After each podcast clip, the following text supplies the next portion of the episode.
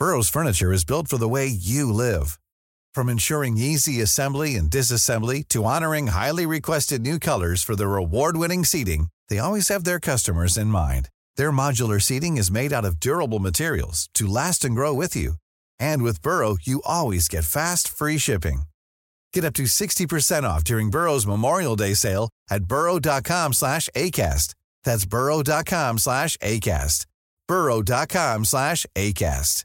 Ready to pop the question? The jewelers at BlueNile.com have got sparkle down to a science with beautiful lab-grown diamonds worthy of your most brilliant moments. Their lab-grown diamonds are independently graded and guaranteed identical to natural diamonds, and they're ready to ship to your door. Go to BlueNile.com and use promo code LISTEN to get $50 off your purchase of $500 or more. That's code LISTEN at BlueNile.com for $50 off. BlueNile.com code LISTEN. Hiring for your small business? If you're not looking for professionals on LinkedIn, you're looking in the wrong place. That's like looking for your car keys in a fish tank. LinkedIn helps you hire professionals you can't find anywhere else, even those who aren't actively searching for a new job but might be open to the perfect role. In a given month, over 70% of LinkedIn users don't even visit other leading job sites. So start looking in the right place. With LinkedIn, you can hire professionals like a professional. Post your free job on linkedin.com slash people today.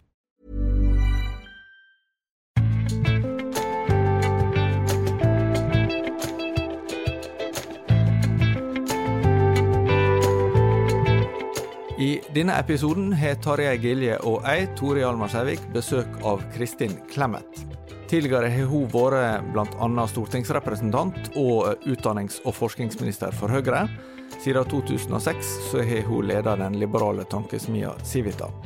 Vi snakker med Clemet særlig om friskolene sin plass i det norske utdanningssystemet og samfunnet.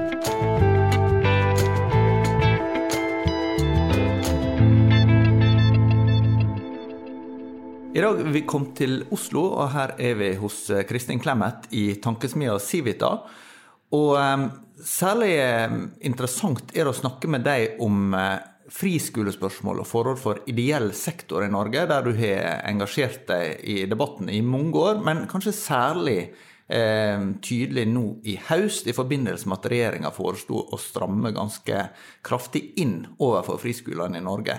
Hvorfor er dette et spørsmål du tenker er så viktig?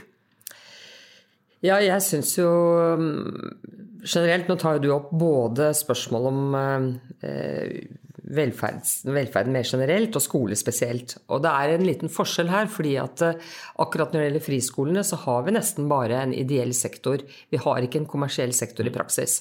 Mens på enkelte andre velferdsområder, hvis vi ser på barnehager, barnevern osv., så, videre, så har vi både en ideell og en kommersiell sektor. Så dette det er litt forskjellig. Men eh, jeg engasjerer meg i friskolene fordi at eh, jeg mener at eh, foreldre bør ha en grunnleggende rett til å velge skole for sine barn. Jeg tror det er veldig bra for skolen sett under ett at det er variasjon og mangfold, fordi vi mennesker er forskjellige. Og vi greier ikke å gjøre skolen bra for alle hvis den skal være lik for alle, for mennesker er forskjellige. Så jeg mener at det er veldig viktig. Og så mener jeg at eh, friskolene, hvis rammebetingelsene er de riktige, kan bidra til å heve kvaliteten på hele skolesystemet vårt på den måten at enda flere barn får et godt tilbud. Eh, så jeg syns det er eh, viktig og at det skal være mulig. Og når vi ser da liksom at hvordan røde regjeringer går til angrep på friskolene, så mener jeg at det er Veldig beklagelig. Men det som skjedde nå, som jeg synes var interessant, det var at eh, angrepene ble for kraftige, så det kom en reaksjon tilbake. Og dermed åpnet det opp litt for en prinsipiell debatt. Er det noe nivå der du vil si at der er det for, en for stor andel friskoler? Det har jo vært 5% vel roughly i Norge, ikke det er noe høyere i Sverige? Når er det den offentlige skolen faktisk er truet? Det går overhodet ikke an å si. For uh, vi kan se oss rundt om i verden, og andelen friskoler og andelen friskoleelever Eh, varierer veldig. Og det er ikke slik at de som har en høy andel friskoler, en høy andel friskoleelever, at de har et dårligere skolesystem enn andre. De kan ha det, men det er ikke nødvendigvis. Poenget er at friskoler i seg selv de betyr verken at eh, skolesystemet blir bedre eller dårligere. Det er måten du finansierer og regulerer friskolene på som avgjør om de blir et positivt tilskudd til skolesystemet. La meg ta et eksempel, da. Hvis det var lov å si at bare hvite barn får lov til å komme inn på min friskole, så skjønner alle at det vil virke negativt inn på friskolesystemet. Hvis vi mm, på den motsatt sørger for at dette ikke er avhengig av folks lommebok, så vet vi at det kan virke positivt inn på friskolesystemet fordi det ikke skaper unødige forskjeller. Og hvis vi ser oss rundt, eh, i f.eks. i OECD-området og i resten av verden i og for seg også, så har så å si alle land de har en offentlig skole. Så har de en, eh, et friskolesystem, altså et i hovedsak offentlig finansiert eh, system med private skoler. Og så har de et rent privatskolesystem som er privatfinansiert i hovedsak. Eh, og eh, reguleringen er veldig forskjellig i veldig mange land. Eh, så det er mye å lære av mange land. Men vi har jo ikke gjort forsøk på å lære engang, for venstresiden har ikke engang vært interessert i å forske på dette. Men her er det mye å lære. Det har jo vært ei eiendommelig sak i lovverket, for denne lovgivninga har skifta navn etter hvem som har hatt regjeringsmakt. Eh, nå heter det privatskolelova fordi det er venstresida som har regjeringsmakt. Eh, da du var eh, forsknings- og, eller kunnskaps- og forskningsminister Utdannings- og forskningsminister, tror jeg det heter. Det er utdanning og forskningsminister, heter det. Jeg syns det er mye, mye bedre navn, da. Ja. Så heter det friskoleloven. Eh, hva forklarer denne forskjellen? Altså lov, eh, Helt formelt heter jo da lov om frittstående skoler. Kortversjonen var friskoleloven. Nei, altså, mens man, mens, altså det som venstresiden sier, nei, det er jo i realiteten private skoler, og da må vi liksom kalle det det det er. Eh, og det er det jo i og for seg noe i, selv om det er en liten feil ved det. fordi at staten kan etablere eh, friskoler. Mm. Fordi det er jo egentlig kommunale og fylkeskommunale skoler vi snakker om. Og det er bare det er andre enn dem, så kan det være friskoler. Men ok, det er en detalj. Men problemet med å kalle det privatskoler er jo at det gir assosiasjoner til noe annet enn det det er. Fordi vi kaller jo også helfinansierte, altså de som er helt privatfinansiert, kommersielle skoler, eller kall det hva du vil, at kaller også det privatskoler. Ja, det var du innom i begynnelsen, og det er en viktig forskjell. Og, eh, og, det gjør jo at mange mennesker som ikke kjenner til dette, og ikke vet hva det er, de får jo assosiasjoner til skoler for eh, folk med tjukke lommebøker, hvor andre ikke kan gå. Noen får assosiasjoner til kostskoler, sånn som vi hører om i England. Og jeg vet at eh, Steinerskolene de har klaget på endringen eh, av lovens navn til privatskoleloven nettopp med denne begrunnelsen at det gir feil assosiasjoner. Og de mistenker regjeringen for, at, for å ønske at det skal gi feil eh, assosiasjoner. Så sier, eh, har bl.a. Tonje Brenna, da hun var kunnskapsminister sagt til meg at det å kalle det for friskoler, det er sånn juks og fanteri og bløff fra høyresiden. For det skal etterlate et inntrykk av at disse skolene er friere enn andre skoler. Men det er jo ikke riktig, fordi friskolebegrepet For det første har det vært i Norge i mange mange år. Jeg har gått tilbake og sett på politiske programmer. altså I Kristelig Folkepartis program sto dette tilbake på 70-80-tallet, brukte man det. Mange skoler heter friskoler, ikke sant. Og det har vært en sånn uh, omtale til det daglige. I Sverige, vårt naboland, heter det friskoler. I Danmark har de en par hundre år gammel tradisjon og kaller det friskoler. Så dette er jo på vårt språk det riktige uttrykket. Eh, på engelsk så eh, altså, I andre land heter det forskjellige ting, men hvis når OECD skal skrive om eh, dette, så kaller de også friskoler og privatskoler forskjellige ting. Mm. De skiller mellom private skoler som er offentlig finansiert, og private skoler som er privatfinansiert. Sånn at jeg syns det gir mye mer mening å si friskoler, fordi friskolene er et vesensforskjellig skoleslag fra privatskoler.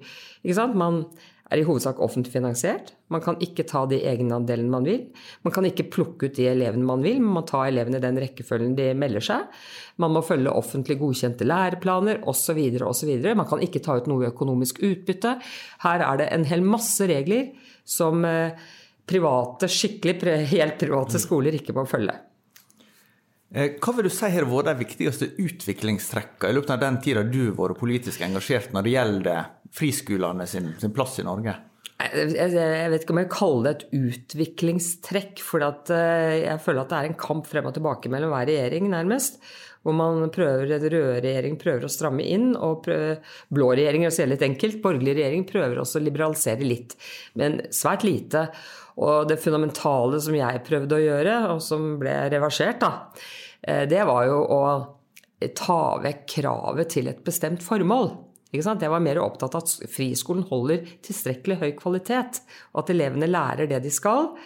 Eh, og at man ikke bryter lover og menneskerettigheter osv. Men at man absolutt skal liksom forlange et spesielt formål, det er jo eh, Syns jeg er helt merkelig, og det tvinger jo kanskje mennesker og organisasjoner som har gode ideer til hvordan de kunne skape en god skole, til å finne på noe. Da. Så, så en sånn morsomhet til departementet da jeg var der, det var sånn man kunne få en telefon om det var lov å lage en, en, en ski, altså skole hvor man gikk mye på ski da, som friskole. Nei, det var ikke lov. Men kunne man lage en kristen skiskole? Ja, det kunne man gjøre. Så det ble veldig mye morsomheter ut av det. Og det har jo ingen prøvd å komme tilbake til eh, det fundamentale spørsmålet der, som jeg var opptatt av. Nei, For nå er forutsetningen at det skal være pedagogisk så, eller religiøst ja, Så det som skjer nå, er at når, når venstresiden kommer, så strammer de inn på ulike måter. Altså det skal være minst mulig adgang til å etablere friskoler.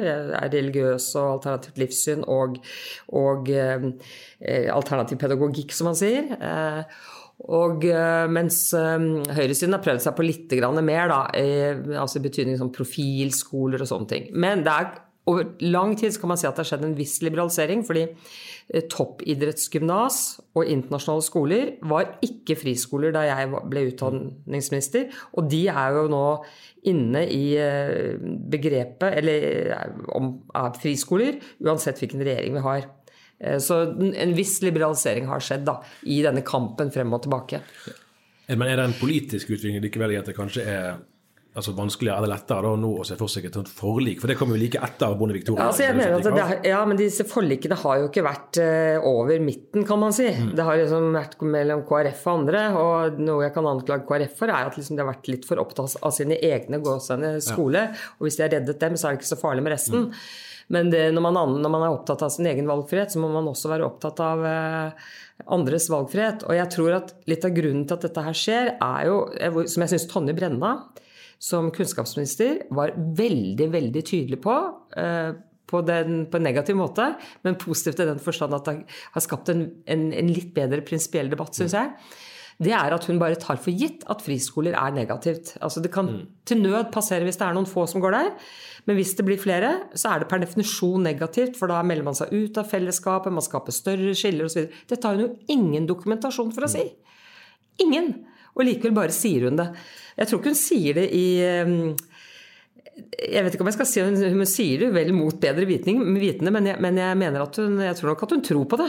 på en måte. Men dette her er feil. Det er, det er ikke seg selv slik at uh, friskoler eller skolevalg skaper større skiller eller mindre fellesskap eller dårligere skole. Det avhenger som sagt av det jeg sa i sted, finansieringen og reguleringen. Og et veldig interessant land, bare for å si det, eh, et land som eh, i hvert fall så lenge jeg har fulgt med på disse internasjonale undersøkelsene, altså i 25 år og sånt, og stort sett gjør det veldig bra kvalitativt som skoleland, det er jo Nederland. Nederland har jo en skyhøy andel friskoler. 60-70% de har også veldig høy grad av autonomi. altså vil si at det, Når det gjelder ja, Skolene kan velge veldig mye selv, læreplaner og alt mulig. Eh, skal ikke gå mye i detalj om det, men i hvert fall så er det slik at det er store forskjeller på skoler og faktisk også elevers resultater i Nederland. Men alt holder så høy kvalitet, så selv om noen gjør det dårlig der, så gjør de det kanskje bedre enn de beste i mange andre land, da. Så det er jo et eksempel på et land som med veldig høy friskoleandel gjør det mm. veldig bra. Men så har vi hatt andre land, eh, ikke akkurat nå, men for noen år siden som gjorde det veldig bra, f.eks. Finland, som hadde veldig lav friskoleandel. Så det er ikke det i seg selv som avgjør.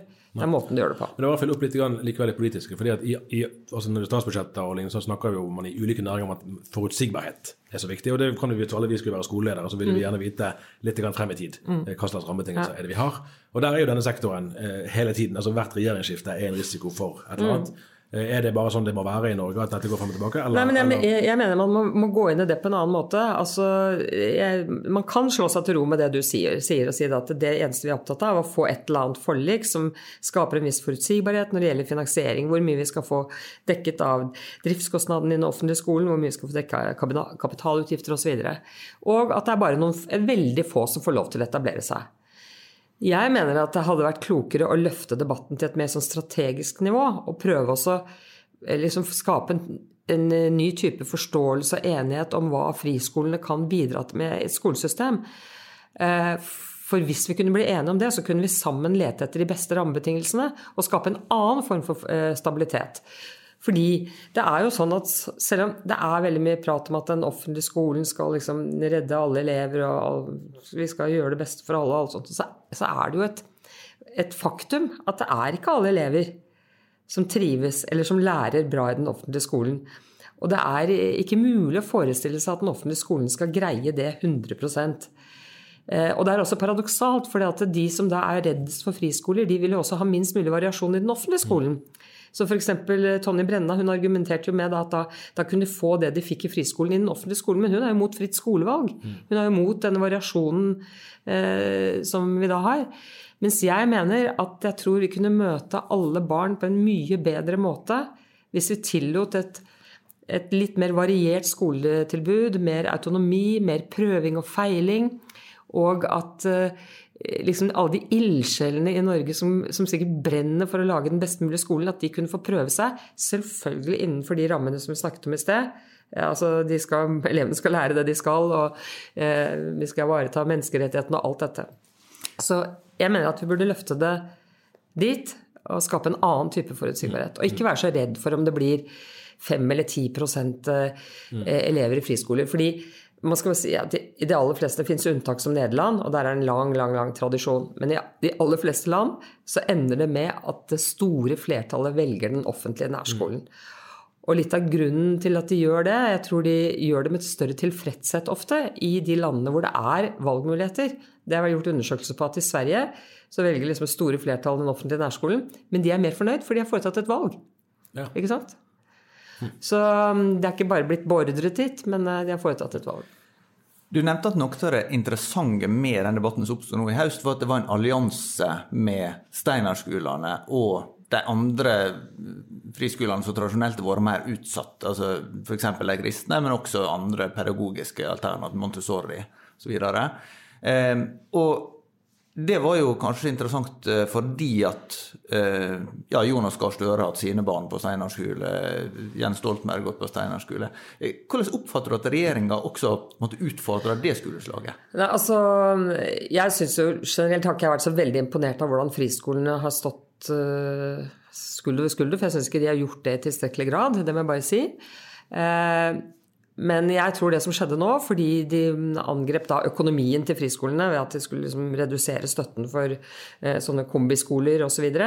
Uten å gå inn i alt det tekniske der, så rammet det også Steinerskolen. Og så begynte de å gi lyd fra seg, og de ga ganske mye lyd fra seg. De var flinke til det. Og Steinerskolen er jo den friskoletypen som klart har vært mest beskyttet av politikerne, for der går venstresidens egne barn. Eh, og den skolen er liksom ikke venstresiden redd for, og den har vært eh, Så det at Steinerskolen nå også følte at de eh, var truet, det var i grunnen veldig bra. For da Ikke at de var truet, men at også, også de var det. For at de ga liv fra seg. For det ble en liten wake-up call for en del politikere, tror jeg. Og jeg kan si jeg var på Arendalsuka nå sist og var med et par sånne friskoledebatter og ledet også en. Og jeg følte at de hadde nå en annen karakter enn de hadde før. Og jeg tror ikke engang de ville vært avholdt faktisk i tidligere år. Fordi det er et sånt felt som på en måte har vært neglisjert. Um, en sånn, jeg skrev en artikkel en jeg kalte en sånn faktaresistent uh, friskoledebatt. Mm. altså Utrolig få som har engasjert seg, har visst noe særlig om det. Men det har endret seg nå. Og det at flere er engasjert og interessert og lurer på fremtiden til friskolene, det åpner en mulighet for å få en mer prinsipiell debatt. Som ikke bare dreier seg om hva tilskuddsnivået skal være, og heller ikke bare dreier seg om vi skal tillate profilskoler eller ikke, liksom på det nivået. Eh, så jeg håper at Civita bl.a. hvis vi kan engasjere oss litt i det, det prinsipielle feltet der, da. Hva, hva, tror du er altså Der kommer jo hele tiden nye generasjoner politikere. Er det det som er en sånn forklaringsfaktor for å forstå at dette oppgjøret ble såpass generelt da, fra regjeringens side at man uh, nå vil rydde opp? Ja, ja altså jeg var, var, litt forbauset. Altså man er jo ikke forbauset når vi får en rød-grønn regjering at de liksom går løs på dette feltet. For de er, som regel er det en uenighet der. Man har stemt mot noe da man var i opposisjon, og så vil man liksom stramme inn på det. Men måten Tonje Brenna gikk løs på det på, det var Det, det må jeg si var overraskende. fordi eh, når du blir statsråd, så blir du jo Du blir jo podet full av kunnskap og mm. faglighet og sånn. Og, og, hun har i så mange debatter argumentert så eh, følelsesbasert og fordomsbasert og mytebasert eh, at jeg må si jeg var, har vært veldig forbauset. Så jeg tror eh, det at de gikk så hardt til verks, det, det, det, kom tilbake til dem, så å si. Dels så må de drøfte da denne mulige økonomiske innstrammingen grundigere. Eh, men dels så åpnet det perspektivet for en, for en, mer interessant debatt, etter min mening. da. Ja. Mm. Eh, I Sverige er jo sosialdemokratene gått inn for å forby religiøse eh, friskoler. Mm. Eh, det er jo foreløpig ikke, ikke, noe som er blitt, blitt innført. Men, men er det mulig å se for seg sånn forbud? SV hadde et forsøk i 2010, men de måtte ja. gå tilbake på det av menneskerettslige hensyn. Mm. Nei, Du kan vel ikke akkurat forby religiøse skoler, men du er vel ikke pliktet til å gi dem tilskudd? Ikke sant? Mm. Så Du kan jo sikkert tenke deg da kommersielle religiøse skoler. Ja, sånn. ordentlige privatskoler. Ja. Ja. ja. så, eh, så, det kan du vel tenke deg. Eh, og jeg ser ikke det komme i Norge nå. SV trakk jo tilbake nærmest før de hadde vedtatt det på sitt landsmøte den, den gangen. Men det er klart at Eh, jeg tror at eh, mange syns at det er noe av det mest problematiske med friskolene. Det er religiøse skoler. Og eh, da tror jeg ikke det er slik at de mener at alle religiøse skoler virker farlige. Altså, jeg tror ikke det er sånn at man syns KG, Kristelig gymnasium, virker så innmari farlig. Eller St. Sunniva, for å ta to kjente eksempler. Men at man er kanskje litt sånn redd for at uh, religiøse skoler skal liksom nærmest redusere mangfold og være ekskluderende overfor andre, at elevene skal bli jeg, indoktrinert osv. Og, så og jeg tror religiøse skoler de gjør veldig lurt i å fortelle omverdenen hvor mange som går på skolen som ikke går der fordi de er spesielt religiøse. Det kan være fordi det er nærskolen, eller hva det er. Altså Jeg var selv og besøkte en skole her for ikke så veldig lenge siden, og jeg ble veldig forbauset over den høye andelen som sannsynligvis ikke går der fordi skolen er religiøs. Vi blir veldig fascinert av det. Vi var og besøkte altså en som heter Tryggheim i Strand kommune. Ja, ja. Dette er jo like ved Bjørheimsbygd, mm. der som Hadia Tajik kommer fra.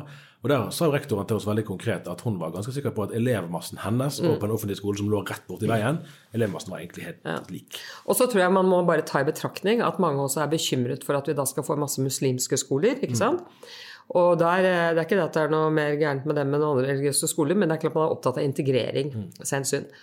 Eh, så, så, så jeg syns det er ganske viktig, og, og et annet problemfelt, da, kan man si, innenfor dette feltet, det er jo at eh, det er jo blitt sagt eh, av regjeringen, har jo de antydet at liksom de, de, at friskolen har skjøvet ut offentlige skoler. Men det er jo helt motsatt, egentlig. At offentlige skoler har blitt nedlagt, og så har det kommet en friskole i stedet.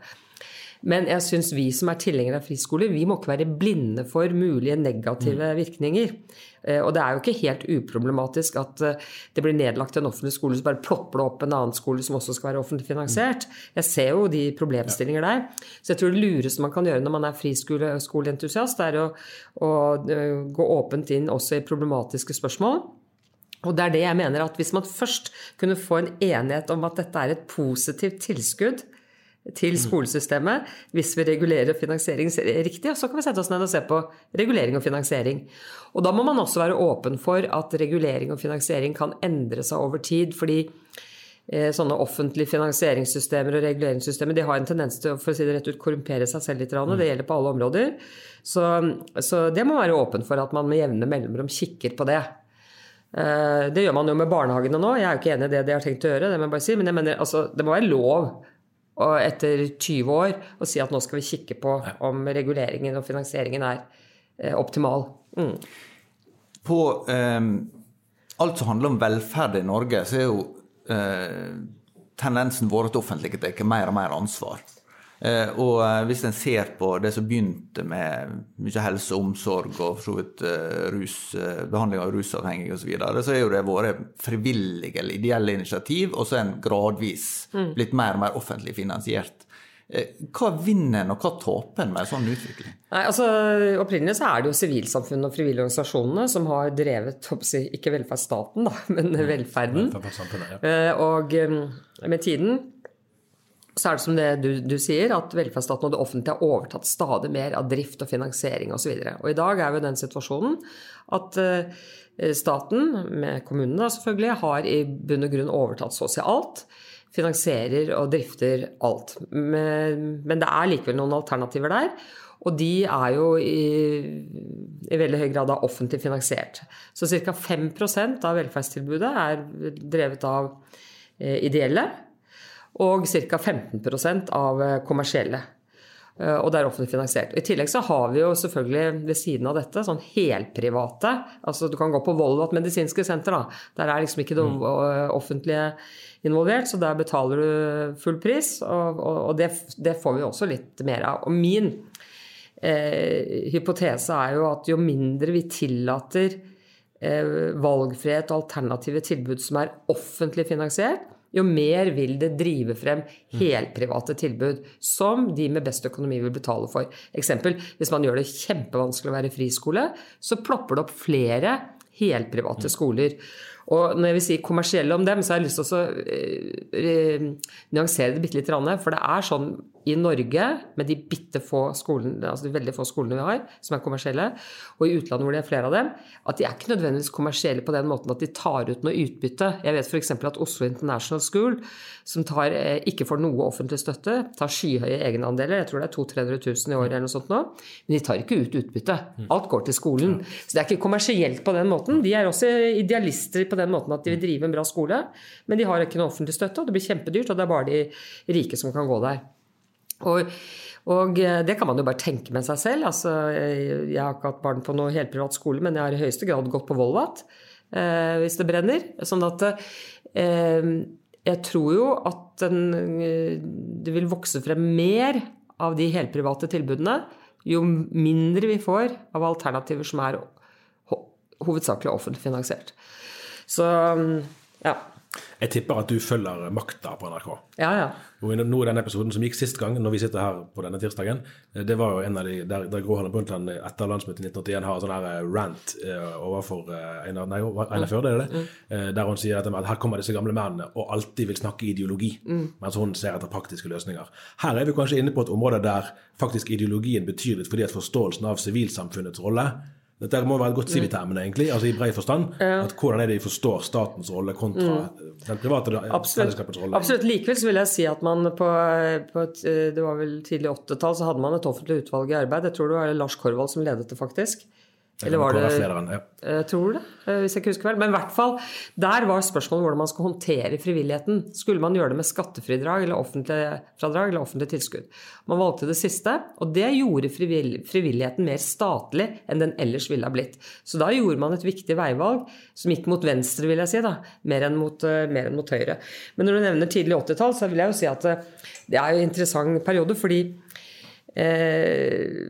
det gikk jo rundelig sagt til litt ad undas med norsk økonomi med mange ting og sånt på slutten av 70-tallet. Og så kom Kåre Willoch og begynte å åpne opp samfunn og liberalisere, begynte å slippe til private. og, og uh, mer konkurranse og la ned NRK-monopolet og alt dette her. Og da var det jo en heftig debatt i Arbeiderpartiet som vi kanskje kommer mer inn på i makta siden, mm, ja.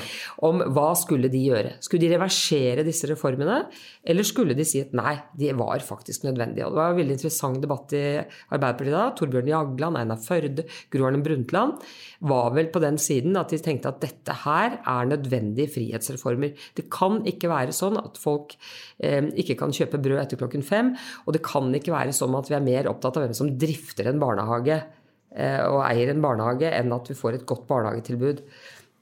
Og de endte jo der og kalte det en slags sånn, det var, kalte det var en revolusjon i Arbeiderpartiet. Og inntok en veldig pragmatisk holdning, bl.a. til private barnehager. Eh, og alt dette kan man si kanskje kulminerte i hele barnehageforliket på begynnelsen av 2000-tallet. Og barnehagereformen. Og det vi ser nå i det siste, er jo da en dreining tilbake til en mer sånn antiprivat, mm. ideologisk holdning også i Arbeiderpartiet som er veldig, veldig forskjellig fra den vi har erfart under Gro Harlem Brundtland og Jens Stoltenberg.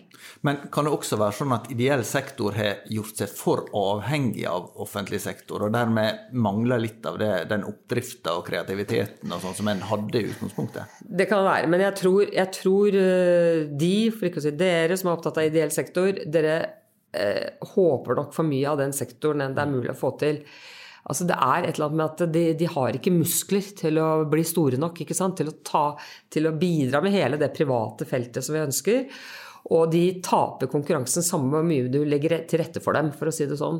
For det krever, krever liksom også noen muskler å, å, å, å, greie seg. Så jeg er veldig for at det skal være der, men jeg tror aldri de kan eh, Altså venstresiden de argumenterer litt som at hvis vi kvitter oss med alle kommersielle eh, det kan være barnehager, barnevern, eh, asylmottak, jeg vet ikke hva det skal være. Så vil det liksom dukke opp ideelle som tar den plassen. Det har jeg ikke noe tro på. Fordi det krever så mye eh, kapital og ressurser osv. at, eh, at og mange ideelle er jo også Og dessuten er det ikke så lett å skille dem, for mange ideelle driver jo med kommersiell virksomhet. Akkurat som kommersielle driver med ideell virksomhet. Jeg fortalte akkurat nå at eh, det er slett ikke alle kommersielle virksomheter som tar ut noe utbytte. Og motsatt så vet vi at ideell virksomhet de driver jo underliggende virksomhet som er kommersiell. Jeg tror jeg hørte en gang om Kirken i Bergen som drev barnehager, så kommersielt de bare mm, ja, kunne. Ja. Tok ut utbytte og brukte det til kirkelig formål. Så det er gråsoner her. Eh, og eh, og man må også si at eh, det man liksom forbinder med det ideelle eh, Altså, veldig mye av det er jo superprofesjonelt. For å si det sånn. Altså, det er ikke lett å se forskjell på så, det er jo ikke noe sånn Alt er ikke veldig lite og søtt, for å si det sånn, men det er skikkelig, skikkelig, skikkelig profesjonelt, eh, noe av det. Så eh, Nei, så det bør være, etter min mening, så er det Vi trenger både kapasiteten, eh, kreativiteten, kapitalen, kunnskapen, kompetansen. Alt som fins både hos ideelle og kommersielle. I takt med at eh, venstresida, sånn som du beskriver det, blir mer kritisk til privat, eh, initiativ, ideelle initiativ i, eh, i offentlig velferd, så blir det kanskje en utfordring for høyresida eh, ikke bare partiet Høyre, men, men eh, ikke sosialistisk side, og være tydelig på, på, et alternativ. Og dere i Civita jobber jo ideologisk med et liberalt utgangspunkt. Mm. Eh, Syns du at høyresida har på en måte tydeliggjort hva, hva visjon de har, som, som en kontrast til det venstresida nå eh, gjør? Nei, jeg syns absolutt de kan gjøre det bedre. Men jeg tror altså at de, det er sånn man arbeider med, vil jeg tro, med programmene sine foran 2025. For at vi har vært gjennom Noe som er veldig interessant, det er at eh, i 2021, ved valget i 2021, så fikk vi jo en kraftig velgerovergang fra blå til rød side, for å si det litt enkelt. De fikk 100 og 169 mandater, en kjempevalgseier. Eh, nå er det jo det at Når vi ser på velgerbevegelser på meningsmålinger eller i valg, så kan vi jo si hvem, hvor velgerne har flyttet seg osv. Men vi vet jo ikke hvorfor de har flyttet seg. Og det har jo blitt tolket som en ideologisk dreining til venstre. Men eh, to år etter valget i 2021 så kom jo valgforskningen. Og den viste jo at det ikke var noen ideologisk dreining blant velgerne. Eh, ikke, de hadde ikke blitt mer venstrevridde. De ønsket ikke mer å strupe private på og, og, mer offentlige løsninger. Men det har de jo på mange måter fått. Sånn at eh, eh, Og det tror jeg burde være en oppmuntring til eh, den borgerlige siden, da, med å tenke gjennom hva de vil gjøre på ulike velferdsfelt. De burde f.eks., etter min mening, eh, gå gjennom alle de feltene som det såkalte avkommersialiseringsutvalget har fått i oppdrag å se på. Og det er jo sju-åtte områder, vel. Inkludert skole, utrolig mm. nok. Eh, men, selv, men, det er et tegn på at de også vil stramme inn for friskolene, eh, tror jeg. Eh, gå gjennom alle de områdene og spørre seg hvor er det vi kan øke valgfriheten? Hvor må vi sikre valgfriheten? Jeg vil si sånn Typisk område man må sikre valgfriheten, er for når det gjelder barnehager. Der er det jo ganske bra valgfrihet, fordi halvparten er private. Som er ideelle og kommersielle. Mens på andre, andre, andre områder, skole, bør man øke valgfriheten. ikke sant? Eh, sånn at eh, det å gå gjennom alle de feltene og se hvor kan vi øke valgfriheten, hvor kan vi sikre den, og hvor er den ikke så relevant. Altså F.eks. når det gjelder asylmottak, så er det veldig viktig med private alternativer, men ikke av hensyn til valgfriheten. ja. Så her mener jeg at det er et, man kunne drevet et nærmest alternativt utredningsarbeid da, fra en annen vinkel enn dette avkommersialiseringsutvalget har fått i oppdrag å gjøre. Mm. Og dette kan bli et stort tema foran valget i 2025, fordi nå er det bare noen uker til det utvalget skal legge frem sin forslag til definisjon av hva ideell er, for at vi skal kunne skille bedre mellom ideell og kommersiell. Og offentlig, da. Og så husker jeg ikke akkurat hva fristen er for hele utvalget, men dette kommer jo før 2025 og kan bli et svært debattema. Og jeg tror jo at Arbeiderpartiet der, bare ved å nedsette utvalget, har gått mye lenger enn det e de egentlig mener. Så jeg tror du skal få et problem. Akkurat. Du, vi nærmer oss slutten. Jeg har lyst til å bare spørre om noe som er litt et annet spor, eh, og som er veldig nært innpå det du holder på med. Eh, om, nemlig om at det finnes ulike typer makt, ulike typer innflytelse, ulike måter å påvirke på. Du ble innvalgt på Stortinget faktisk samme år som Erna Solberg, 1989. Ja, riktig, ja. Men hun sitter der ennå. Du satt der i fire år, og da hadde du vært, du var rådgiver i to departementer i Willoch-regjeringen. tilbake i begynnelsen av 80 Du satt i Syse-regjeringen i 89, og du satt i Bondevik II-regjeringen tidlig 2000-tall. Mm. Men fra 2006, nesten 20 år, så har du ledet en tankesmie, mens mannen din har vært på Stortinget. Datteren din er vel ennå rådgiver for Erna Solberg. Mm. Du har i hele den perioden her ikke vært i politiske verv, men ønsket å øve innflytelse gjennom intellektuelt arbeid, egentlig. Mm. Du tar ingen beslutninger på vegne av fellesskapet, men du kan bidra i tenkningen. Hvordan vurderer du den makten kontra den du da har hatt som politiker? Det syns jeg er veldig vanskelig å vurdere mot hverandre. Du blir jo eh, forbausende sånn Eh, flink til å, å, bli glad for den innflytelsen du har der du er. Sånn at i politikken så er, kan du jo bli sjeleglad for en setning de har fått inn i en innstilling i et eller annet i Stortinget, ikke sant. Og vi kan bli glad når vi ser Så eh, det er jo veldig mange som spør hvordan kan dere vite at dere gjør et bra arbeid i en tenketank, at dere har noen innflytelse. Mm. Og det, i likhet med partiene, så kan vi jo egentlig ikke vite så veldig mye om det. Altså, De må, ser jo at de vinner velgere i valg osv. Vi kan jo se f.eks. at det kommer mange på møtene våre, at vi har mange oppslag i avisen, eller at eh, bidragsyterne gir oss penger. Men har vi egentlig innflytelse? Det vil eh, ut, veldig mange organisasjoner ha, ha problemer med å påvise. Um, så vi har bare laget vår egen lille sånn uh, metode her. Den, den, er ikke noe vi viser frem, men liksom når vi noterer noe vi tror er et gjennomslag, ja. så bare noterer vi det for, for, vår egen tilfredshets skyld. Så det kan være at jeg leser en lederartikkel, og så er det et par avsnitt som ja. der ligner til forveksling en blogg jeg skrev i forgårs. Ikke sant? Eh, er det et lite gjennomslag? Ja. Eller når noen viser eksplisitt til oss, eller noen fremmer et forslag på Stortinget, eller legger frem et program og vi ser de har knabbet fra oss. Uh, av og til er vi sikre, andre ganger bare tenker vi at det der der det kommer fra det vi gjorde. Og så, og så bare noterer vi oss det, og da blir listene ganske lange. Ja. Det, det, gjør de. Så, men man kan ikke vite. Det, det finnes jo kanskje metoder for å undersøke det, men det er så sofistikert og så kostbart mm. at jeg tror ikke det er nesten noen som har råd til det. Det er vel en type oppmuntring altså vi journalistikker med må, må øve oss i å ta imot. og det er denne typen. Du skrev noe som var fint. Jeg husker ikke hva det var, men det var fint. ja. altså jeg, altså jeg, får så ofte spørsmål om f.eks. styret mitt. Jeg har et styre som i hovedsak består av folk som har erfaring fra næringslivet, og det er typisk spørsmål de stiller. Og, eh, så da har jeg for det første laget et notat til dem hvor jeg forklarer at det kan jeg ikke på en måte dokumentere. Det vil kreve et arbeid som ikke er mulig. Men på den annen side så kan vi vise dem enormt lange lister med hva vi tror er små og store gjennomslag. Da. Mm. Takk skal du ha, Kristin Clemet, for at vi fikk eh, komme hit. Og vi er tilbake neste uke.